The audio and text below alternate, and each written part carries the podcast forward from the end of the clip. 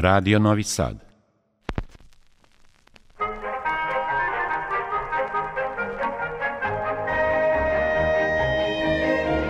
Putevima muzike.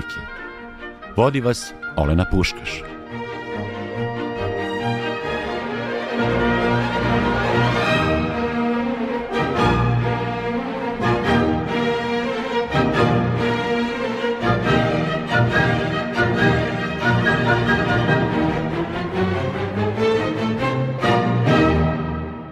Dobroveče, želim vam i ove srede i ujedno vas pozivam da provedete s nama vreme do ponoći. Večeras je svečano otvoren festival Nomus, solista uz Vojvođanski simfonijski orkestar bio je Ivo Pogorelić, koji je izazvao ogromno interesovanje novosadske publike. Sva mesta rasprodata su za vrlo kratko vreme, čak i bočne galerije sa kojih je vidljivost bine vrlo sužena, jer je bilo mnogo onih koji uprkos tome nisu želeli propustiti priliku da osete harizmu žive pijanističke legende.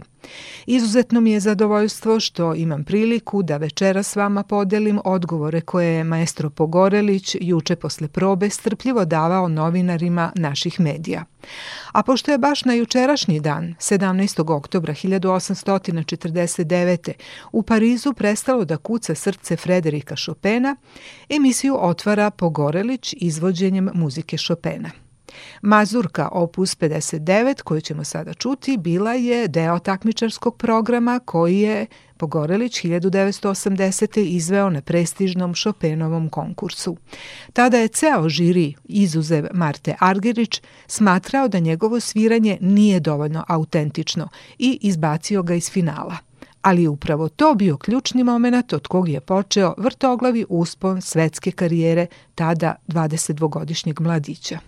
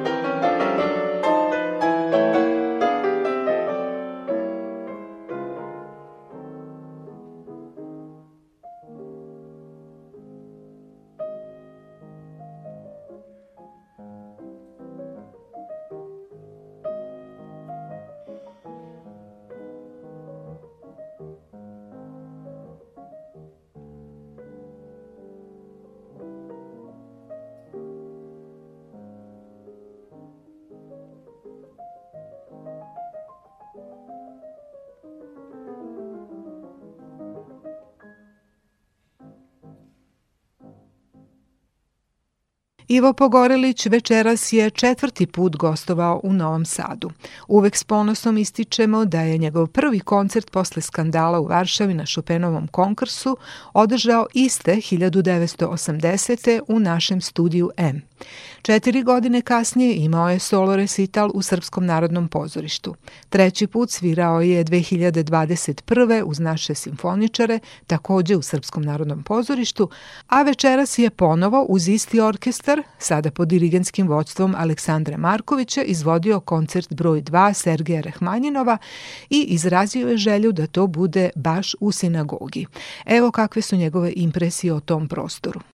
Naravno, e To je zgrada e, koja je hram koja u sebi e, ima taj religiozni sadržaj e, i koja ima svoju svrhu, a mi kao muzičari smo u stvari unutra gosti sa tim statusom.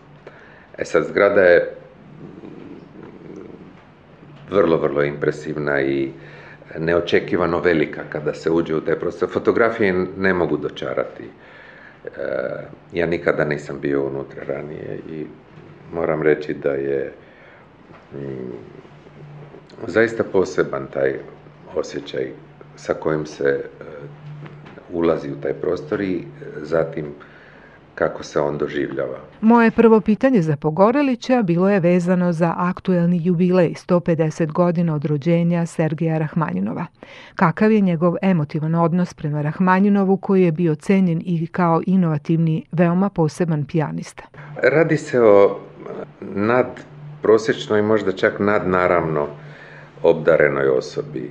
Znači, eh, Rahmanjinova bi mogli smestiti u onu kategoriju koje pripadaju e, najveći tvorci drugih grana umetnosti. Jesu li to slikari, književnici, u svakom slučaju oni za koje ne možemo istražiti i utvrditi poreklo njihove inspiracije.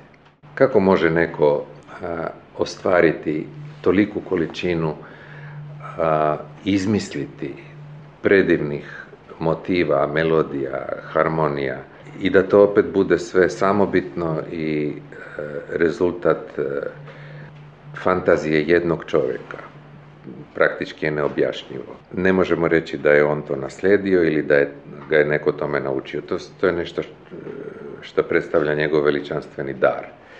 E, što se tiče njegovog pijanizma, on e, nije bio školovan u visokim tradicijama pijanizma, za razliku od njegovog kuzena koji jeste.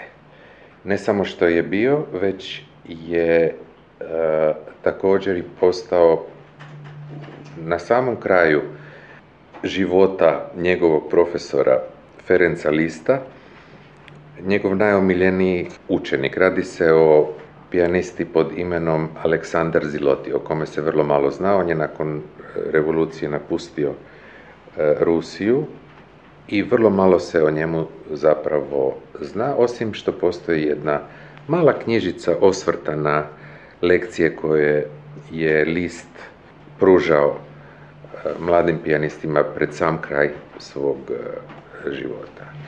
Znači, Rahmanjinov nije imao tu privilegiju, on je imao samobitnost, on je bio taj koji je eh, imao ogromnu fantaziju i slično, ali nije u ranoj dobi doživeo nikakve kritičke korekcije. Pa stoga i njegov pijanizam nosi te karakteristike vrlo posebne um, i vrlo prilagođene anatomiji njegove ruke. Radi se o čovjeku vrlo visokom i za današnje doba, za tadašnje svakako uh, divovski, uh, sa uh, ogromnim rasponom prstiju, sa vrlo dugačkim prstima, sa vrlo velikom rukom koja nije baš najnespretnija. Smatra se da je što veća ruka da je to bolje, za klavir nije tako. Najbolja ruka je za klavir je kompaktna ruka sa e, jednako razvijenom e, kostnom strukturom kao i mišićnom strukturom. Znači, e, u pristupu njegovim delima vrlo je bitno znati da on također doživljava jednu transformaciju kao autor i radi e, redakcije svojih kompozicija, pa tako e, je poznato da njegova sonata broj 2 postoji u dve različite verzije, jedna koja je e, ranije dobi i druga koja je kasnije dobi u životu. Ja sam tu drugu verziju izvodio i također i snimio.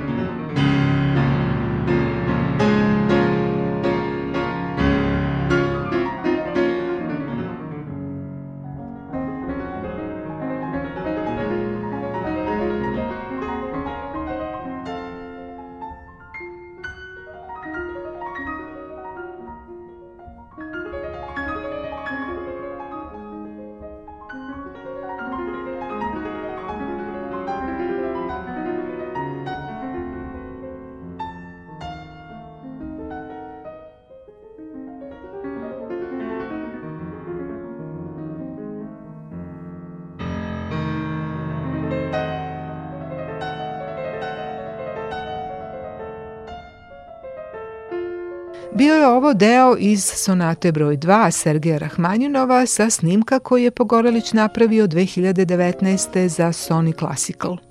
U emisiji Putevima muzike na talasima Radio Novog Sada večera slušamo delove iz grupnog intervjua koji je ovaj pijanista dao novosadskim novinarima juče, dan pre nastupa na Nomusu. Jedno od pitanja bilo je da li se seća kada je prvi put svirao koncert broj 2 Rahmanjinova koji je sada izvodio. Da, nažalost. Pa evo, ja sam isto bio e, izložen tom e, potpuno neopravdanom izboru kompozicija. Koliko ima kompozicija koje su meni bile nametnute? Vi ste me pitali za, e, dakle, taj proces unapređenja. Ja sam pokušao i ostala mi je Dedur e, prelud od Rahmanjinova. To isto moram pronaći note, jer to sam isto svirao ranije nego što je trebalo. Dobro, sad to, tu postoji jedna dilema.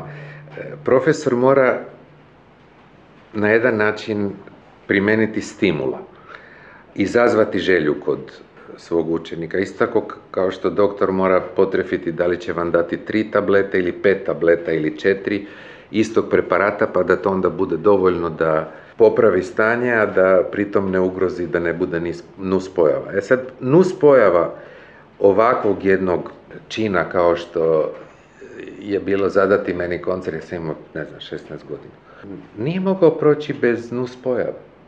A nuspojava, obično, e, u takvim situacijama je frustracija ponekad i trauma. Vrlo jednostavno objašnjivo.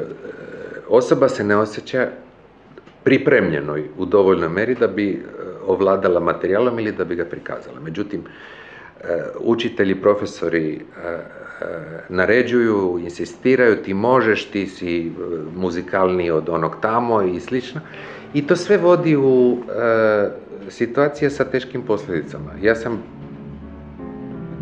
u proteklih, ne znam koliko je to više godina, se pokušao prisetiti onih kompozicija koje su kod mene izazvale najveću frustraciju. I onda sam ih ponovno pročitao i neke od njih sam ponovno e, izveo sa velikim olakšanjem jer sam tako ugasio jednu, očistio jednu mrlju i uklonio jednu senku i odmaknuo od sebe to što je što nije valjalo u mom razvojnom procesu kad sam bio jako mlad.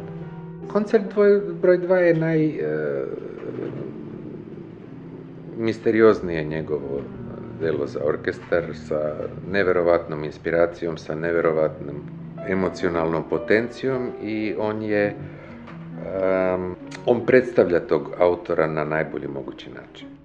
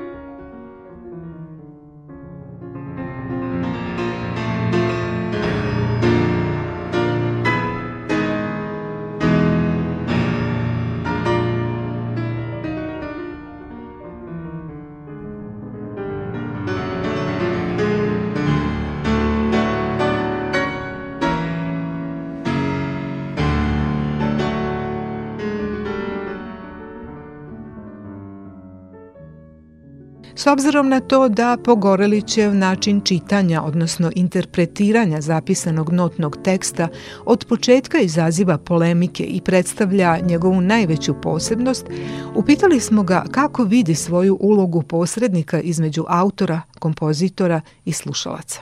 Instrumentalizam je neodvojiv od e, koncepcije. Prevedeno na jednostavniji jezik, radi se o sljedećem.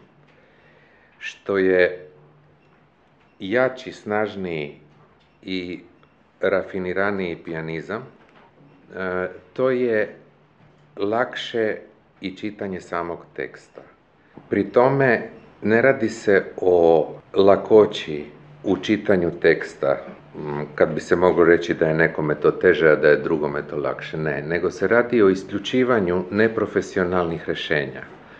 Dakle, u isključivanju zabluda, u isključivanju e, onoga što se e, ne bi moglo smatrati dobrim ukusom.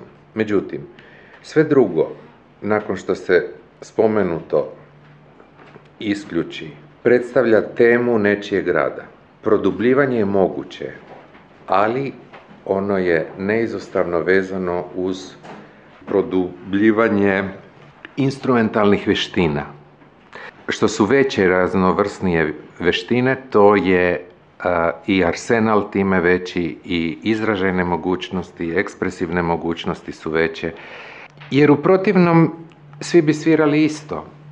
Svako može kupiti note, ali pitanje šta će e, ko pročitati. Isto kao kad su osobe obrazovane i imaju erudiciju, one će na jedan način pročitati e, književno djelo, dok neko ko je manje erodiran će ga pročitati na drugi način koji je, možemo reći, uslovno skučen. Šta to sve znači? E, kod čitanja literature e, vi imate autora i vi ste ta e, jedinka koja onda uspostavlja jedan intiman odnos sa time. Kod izvođača, onaj deo koji je prestižan i koji ima u sebi ugrađenu povlasticu je taj u kome jedno napisano delo ne može e, zaživeti bez pomoći interpreta. Znači, onaj koji je interpretator toga ima veliku također nesumnjivo odgovornost u tom čitanju teksta, jer on ga čita koliko za sebe, toliko i za druge. I kroz svoj rad onda pokušava doći do e, onoga za što smatra i osjeća da je autentično, i onoga što deluje na ljude. I upravo je tu raspon između srednje, visoko i iznadprosečno, dakle, e, kako bi se grubo moglo kategorizirati izvođače. Da.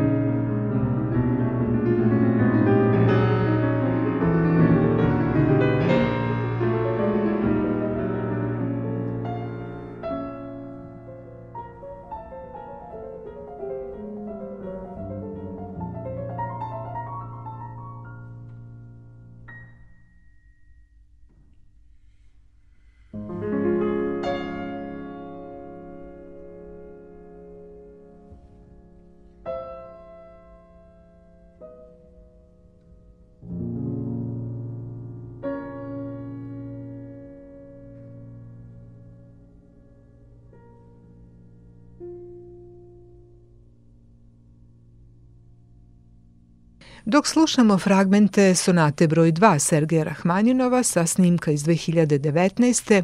dakle iz novijeg zrelog razdoblja Pogorelićeve karijere, nadovezat ću njegov odgovor na pitanje kako je tokom vremena revidirao svoj odnos prema klavirskoj tehnici. Pa to je ono što se zove uh, ukratko uh, usavršavanje. No? Znači, usavršavanje može imati uh, karakter bilo kog segmenta pianističke tehnike takozvane, iako se pod tehnikom prečesto podrazumeva brzina izvedbe, to nije tehnika. E, Bach je rekao da svirati nije teško, treba samo u pravom trenutku pritisnuti e, tipku. Da? Međutim, nije, nije sasvim tako. Postoji onaj prostor između dve tipke koji je u stvari prava tehnika, šta se događa između dve note i kako se radi diferencijacija zvuka. Vaše pitanje se u stvari odnosi na zvuk kao vrhunsko, to jest jedino izražajno sredstvo svakog. Je li se radi o vokalu, radi li se o violini ili bilo kom drugom violončelu ili o klaviru, osnovno pitanje i osnovna izražajna, osnovno izražajno sredstvo je zvuk. Znači izrada tog zvuka, slušanje zvuka, upotreba tog zvuka. To su e, jako veliki raspon i lepeza e, područja koji mogu biti podložni i izloženi usavršavanju.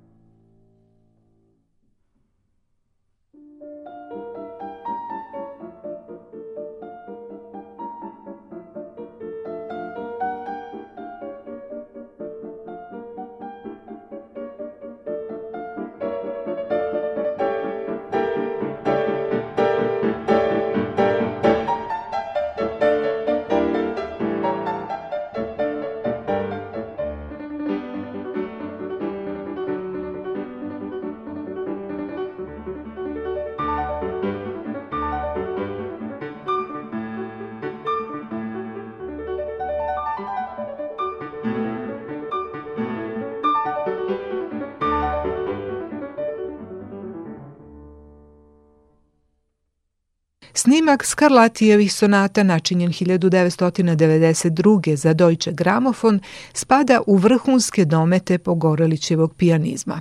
A u susretu koji su novosadski novinari imali s njim, analizirao je sadašnju situaciju u sferi interpretativne umetnosti.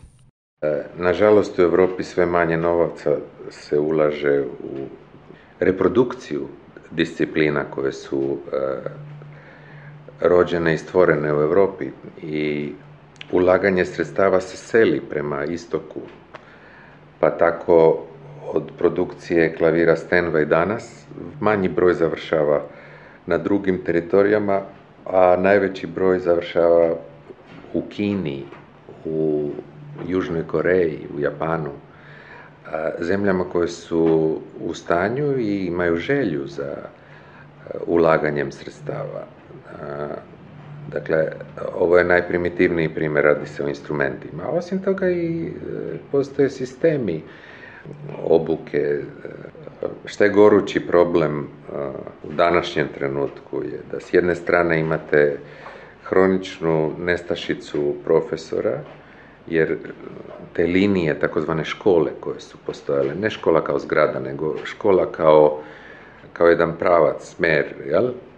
U slikarstvu bi to bio mm, autor, ala, ne znam, Rafael, pa bi onda bili njegovi sluč, učenici, ili Ticijan, ili Rubens, e, kao primer. Znači, o, e, jedan autor koji je okružen.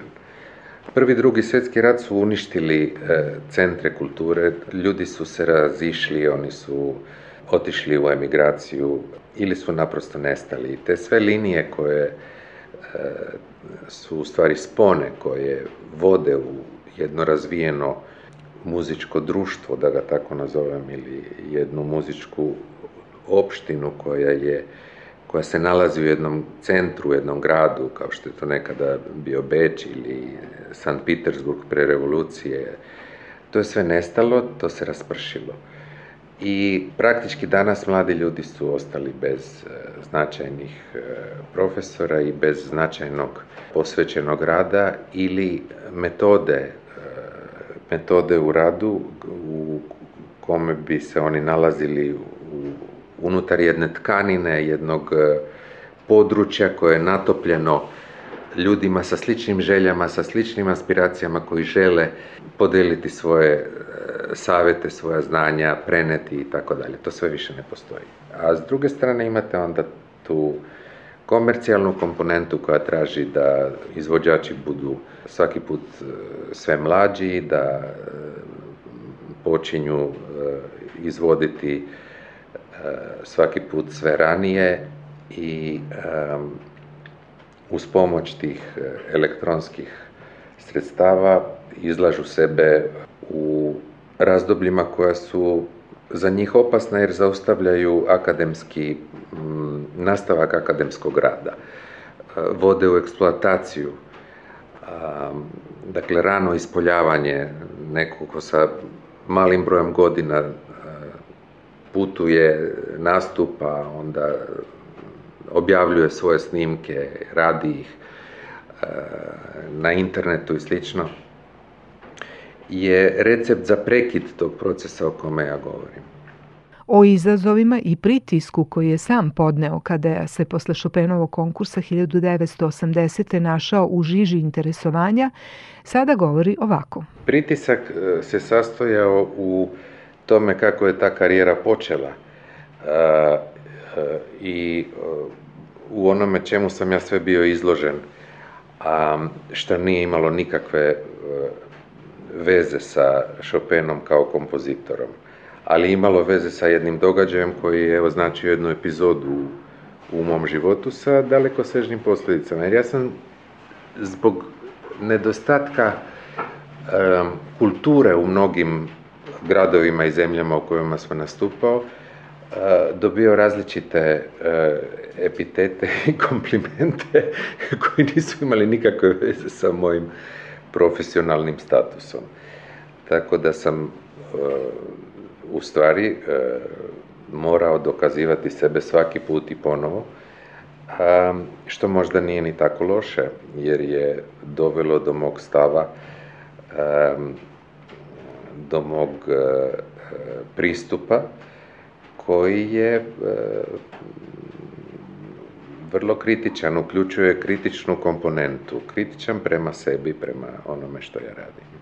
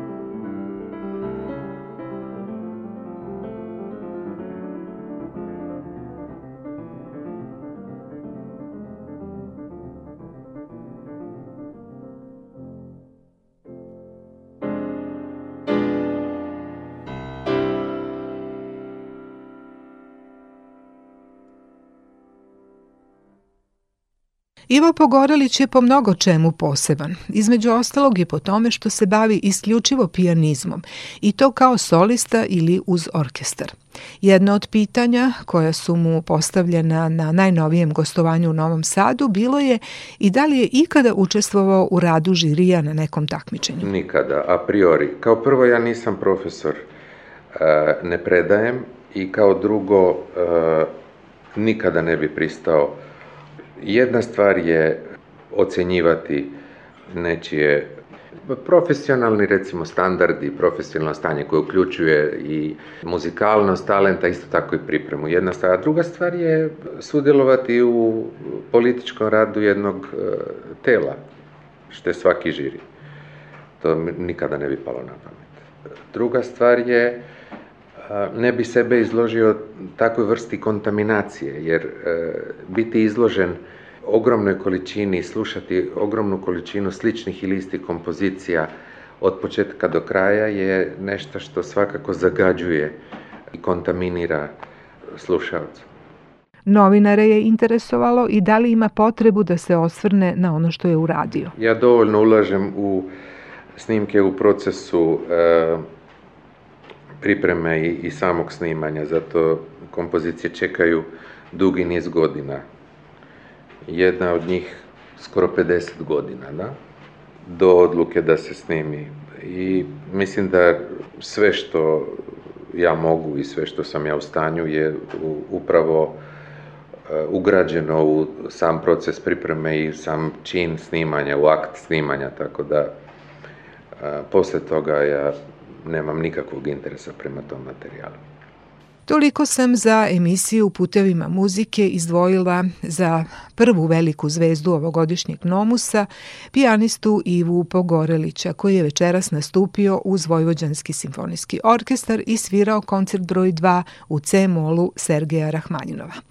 Ovaj deo zaokružit ću još jednim divnim primjerom iz njegove diskografije – Odebrala sam fantaziju u D-molu Wolfganga Amadeusa Mozarta koju je snimio 1994. za diskografsku kuću Deutsche Grammophon.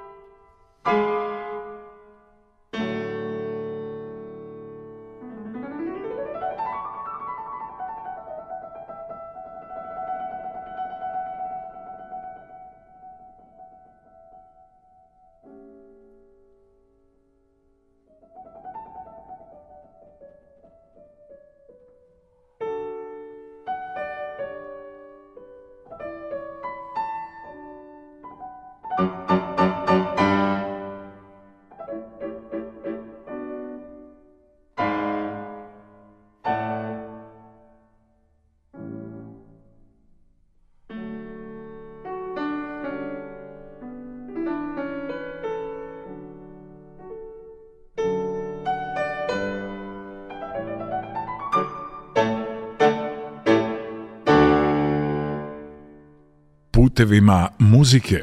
Prelazimo sada u drugi deo našeg večerašnjeg susreta na talasima Radio Novog Sada. Tu ćete saznati više o programu koji sledi na Nomusu do 26. oktobra.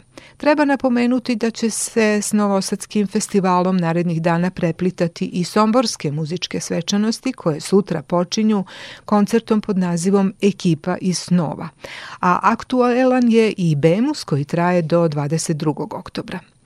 Saradnja ova tri festivala postoji tako da su recimo zagrebački solisti juče nastupili u Beogradu, a sutra dolaze u Novi Sad.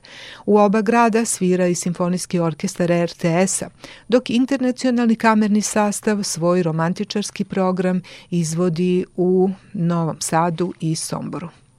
Ovako složena devetodnevna manifestacija zahteva ozbiljnu finansijsku podršku. Organizatori su je dobili od pokrajine i Ministarstva za kulturu Republike Srbije, a u ime Gradske uprave za kulturu, koja je tu najangažovanija, gospodin Dalibor Rožić je sledećim rečima obrazložio značaj Nomusa. E, devet dana ovogodišnjeg oktobra biće Centar umetničke muzike u Novom Sadu i tih dana e, Novi Sad će biti zaista e, mesto gde će se moći e, ispratiti kvalitetni muzički sadržaj u organizaciji muzičke omladine Novog Sada.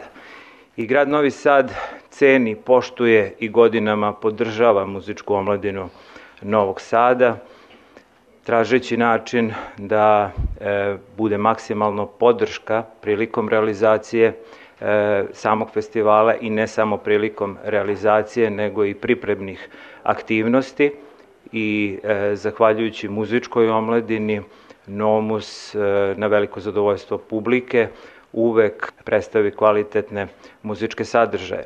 Sa druge strane, e, Gradska uprava za kulturu e, traži način da e, sprovodeći strategiju kulturnog razvoja i sve ono što e, čini kako bi unapredila resor kulture u našem gradu, poboljšala uslove rada na kulturnoj sceni grada Novog Sada, muzičku omladinu Novog Sada dodatno podrži i e, negde e, traži dodatno načina kako bi i programi koji se organizuju bili e, što bolji i kako bi publika bila što zadovoljnija svakako i ovogodišnji program, zahvaljujući ljudima koji su danas ovde zajedno sa nama, je rezultat ozbiljnog promišljanja i predanog e, i profesionalnog e, rada sve u cilju kako bi i ovogodišnji program izgledao ovako kao što izgleda.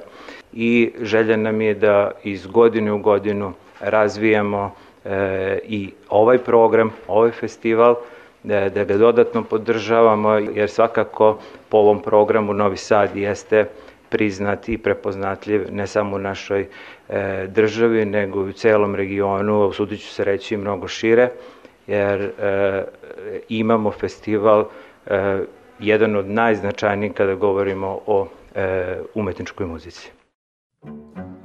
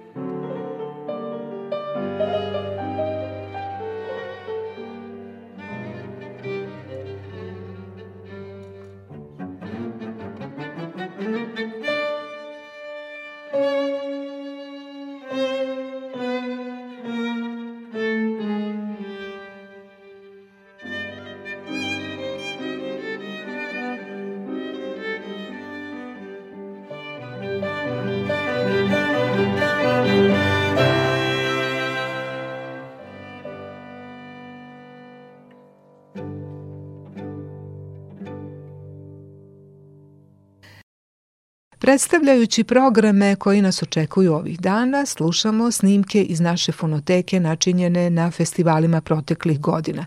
Malo čas smo čuli odlomak iz trija Bedžiha Smetane opus 15 u izvođenju asambla Wanderer iz Francuske.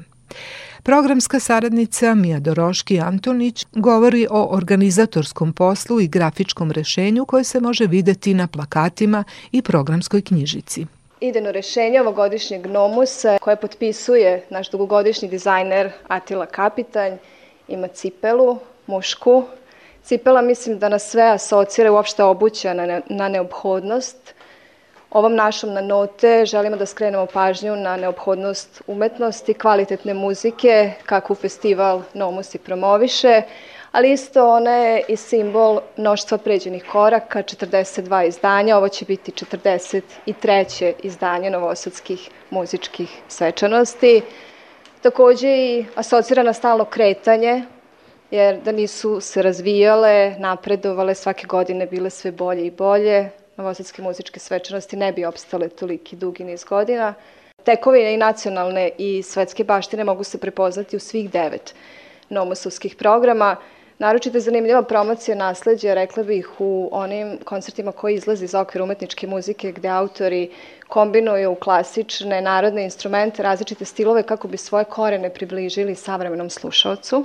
To su projekti, Marija će više nešto reći o tome, Preda i Makedonisimo. Ali zašto nasledđe? Mislim da je e, u eri globalizacije, vremenu u kojem jako brzo živimo, gubimo kontakt sa sobom, sa okolinom, reći ću da tupimo možda malo. Jako je važno da ne zaboravimo ko smo i odakle smo i mislim da će nam Nomusa, neću biti skromna, izvanrednim učesnicima, izvanrednim programu u tome pomoći da se vratimo sebi i pravim vrednostima, da će ispuniti našu potrebu za lepim i naše pravo da uživamo i to u vrhunskoj muzičkoj umetnosti.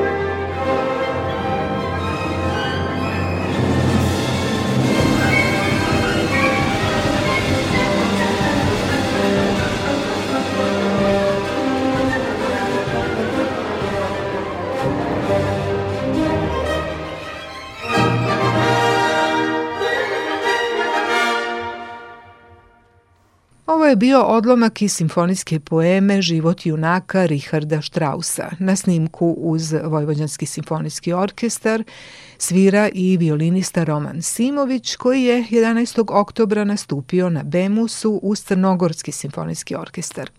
A sada se vraćamo na detalje ovogodišnjeg programa Nomusa. Slušamo predstavljanje umetničke direktorke Marije Adamov. Ako nasleđe obuhvata i kompozitorske, stilske, interpretativne i druge muzičke aspekte, pa i ostala umetnička bogatstva svih prohujalih epoha, onda smo mu dodali i jubileje velikih autora sa večnom aktuelnošću i vremenskim vrednostima njihovih opusa.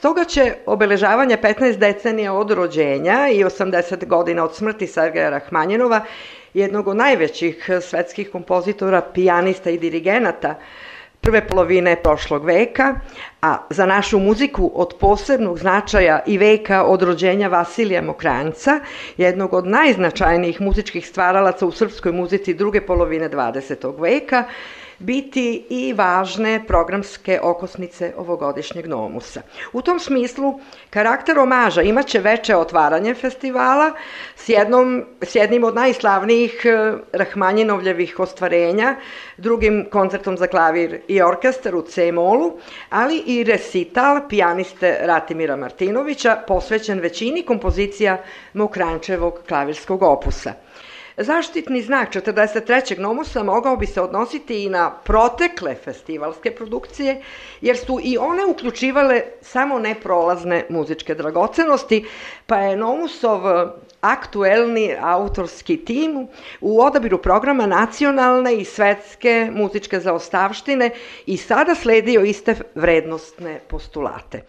Opredeljujući se za ono što je najznačajnije i trajno, a što smo prema našim mogućnostima mogli dobiti, verujemo da će se i stari i novi poklonici Nomusa složiti s našim izborima i da će ih doživeti na svoj način – i u punoj lepoti i kvalitetu, kako ona dela koja su im poznata, tako i ona koja će prvi put zazvučati s koncertnog podijuma sinagoge, u gradskoj kući ili sa scene Srpskog narodnog pozorišta, ponovo naglašavajući značaj nasleđa.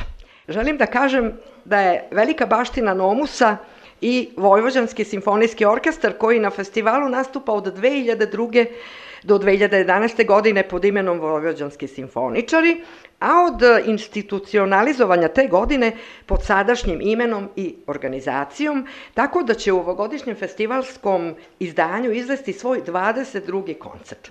Ovog puta s dirigentom Aleksandrom Markovićem i najavljenim pijanistom Ivom Pogorelićem kao solistom u pomenutom drugom koncertu Rahmanjinova. Čest gost novosadskih muzičkih svečanosti je i opet lepo najavljen Simfonijski orkestar Radio Televizije Srbije koji će prirediti drugo simfonijsko veče festivala koje će ponoviti i na Bemusu svirajući pod vodstvom Premila Petrovića i s violinistom Stankom Madićem kao solistom u jednom zaista prekrasnom, a jedinom violinskom koncertu Johanesa Bramsa. Već nekoliko godina, u skladu sa nekadašnjom preovlađujućom kamernom koncepcijom festivala, Veoma bitan učesnik je i kamerni ansambl Nomusa, koji će sada nastupiti četvrti put, kao i uvek sa raritetnim kompozicijama. Pa i ovaj sastav postaje deo festivalskog nasleđa. Prošle godine gostovao je na 54. Bemusu, dobivši za svoje izvođenje po izboru kritičarke Nina laskavo priznanje kao najbolji koncert prestoničkih muzičkih svečanosti.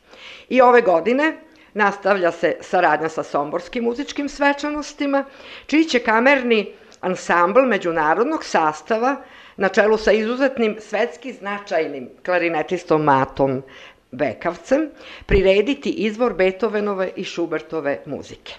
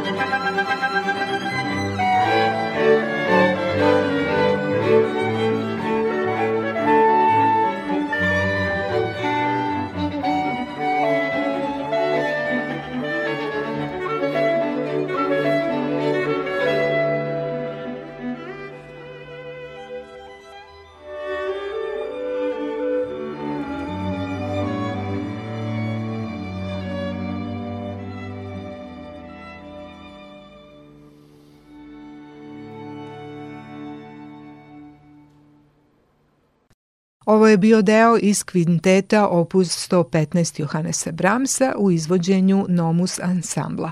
A sada sledi nastavak detaljnog predstavljanja programa koji nas očekuje na Nomusu do 26. oktobra. Umetnička direktorka Marija Adamov. U tom delimičnom repertoarskom preplitanju sa Somusom i Bemusom nalazi se i veče zagrebački solista koji i sami, sami ove godine proslavljaju 70 godina kontinuiranog delovanja. Oni će u Novom Sadu muzicirati druge festivalske večeri 19. oktobra, a u Somboru dan kasnije, a najpre u Beogradu, pod e, dirigentskim vodstvom svog umetničkog rukovodioca, uglednog srpskog violinista Sretena Krstića, na svim mestima sa različitim repertoarom, objedinjenim kompozicijom Metamorfoze Richarda Strausa. Sretan Krstić je s njima prošle godine obeležio deceniju saradnje, a e, novosadskoj publici je poznat i kao izuzetni solista i kao umetnički rukovodilac našeg festivalskog orkestra pre nekoliko godina. U zagrebačke soliste To mi je posebno zadovoljstvo da kažem. Prvi put na Nomusu nastupit će mlada sopranistkinja Sonja Šarić, rođena u Somboru, školovana u Novom Sadu i Nemačkoj, ovenčana s nekoliko značajnih međunarodnih odličja i već sada umetnica međunarodne karijere. Među njima je, pored velike nagrade i nagrade publike osvojenih na Međunarodnom pevačkom konkursu Eva Marton 2021. u Budimpešti i Grand Prix Marija Kalas iz Atine 2017. pa se njeno učešće uklapa i u naše i svetsko slavljanje 100 godišnjice rođenja po mnogima najvećeg soprana prošlog veka, kako operska istorija vidi legendarnu umetnicu grčkog porekla. U dakle ove navedene uobičajeno ili tradicionalno koncipirane simfonijske, vokalno-instrumentalne i kamerne koncerte i u skladu s relevantnim kvalitativnim i estetskim premisama prirodno su upleteni, što je posebno interesantno i za širi auditorijum, sledeći već niz godina dobro iskustvo festivalskih žanrovskih iskoraka i večere koje bi se mogle uvrstiti u za mnoge poseteoce sasvim neočekivane, a za mene u unikatne rituale. Jednim od njih će, uvereni smo, svojim muzičkim nasleđem i uspostavljanjem mosta sa zapadom opčiniti iranski perkusionista Muhamed Reza Mortazavi, svirajući na svom neobičnom bubnju i savršeno improvizujući, ali i ingeniozno komponujući u trenutku. Njegova upotreba nacionalne baštine uneće u festival jedan poseban senzibilitet bez vremene istočnjačke nostalgije. Svojevrsnu egzotiku uneče i kvartet neverovatnih multiinstrumentalnih rumunskih muzičara na čelu s Mariusom Predom, koji će zbog prisustva cimbala u ansamblu, jer on je upravo i glavni cimbalista u sastavu, našem podneblju biti možda nešto bliži – i mislim da će i oni da nas očaraju fuzijom najraznolikih žanrova, različitih naroda, jezika, muzičkih korena i kultura, potvrđujući da je Nomus upravo centar žive i plodne umetničke i ljudske komunikacije.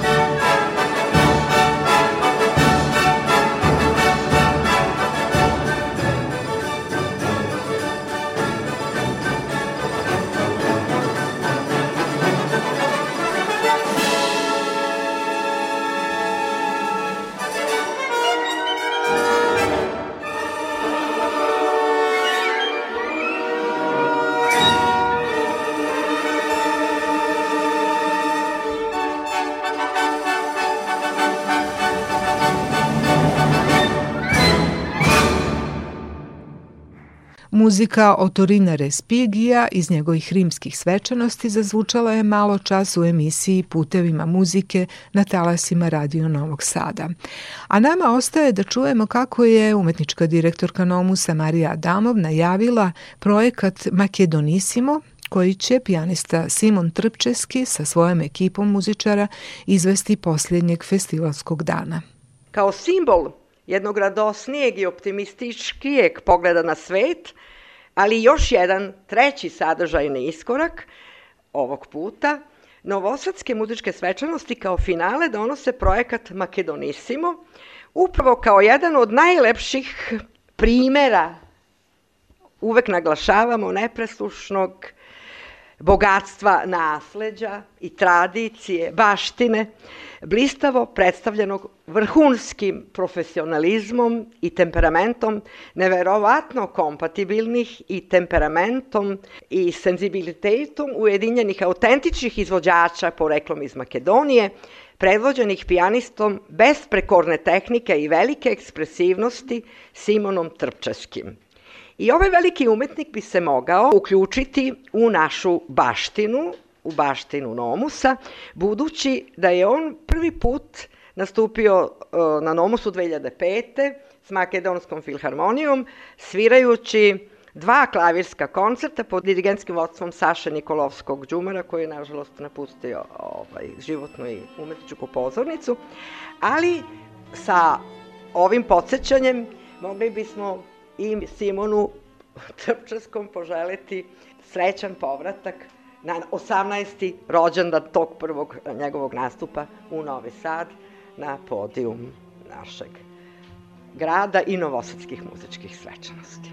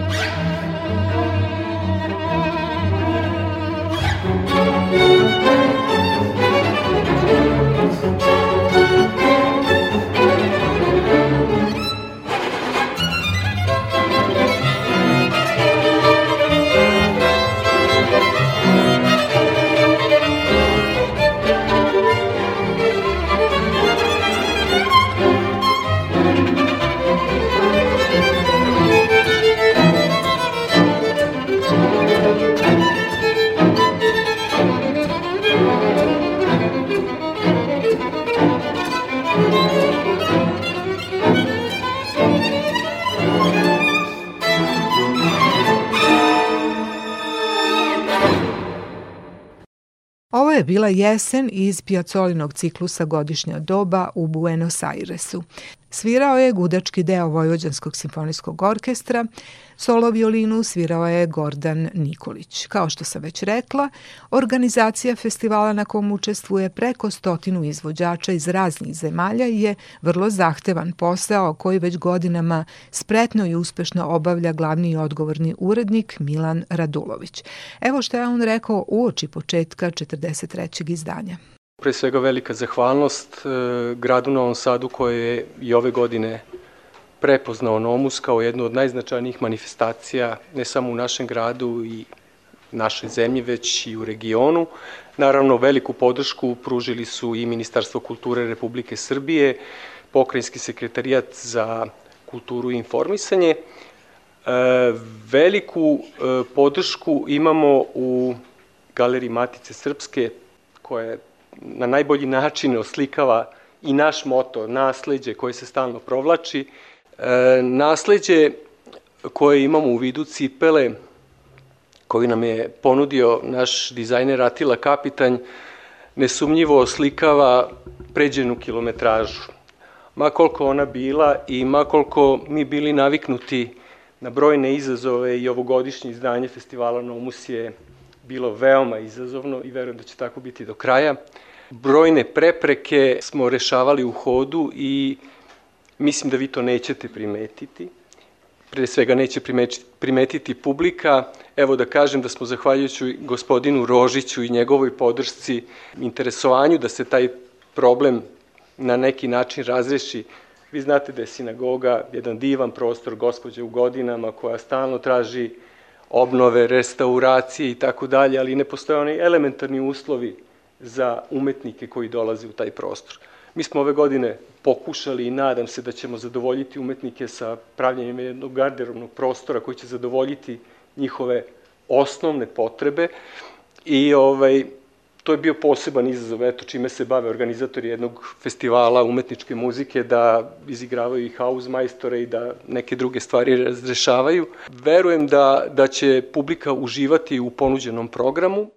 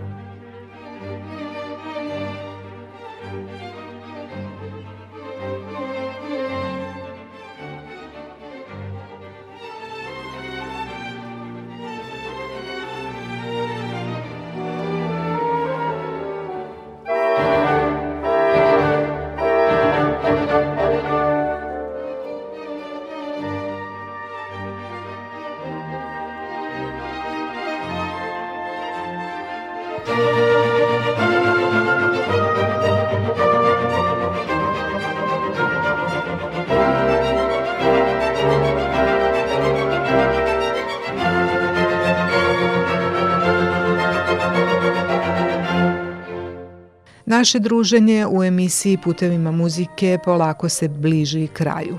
U ponoć mikrofon prepuštam ekipi noćnog programa, a sada vas pozdravljam u ime ton majstora Jovana Gajića. Ja sam Olena Puškaš, budite na ovom istom mestu i sledeće srede od 22.10. Do tada želim vam svako dobro.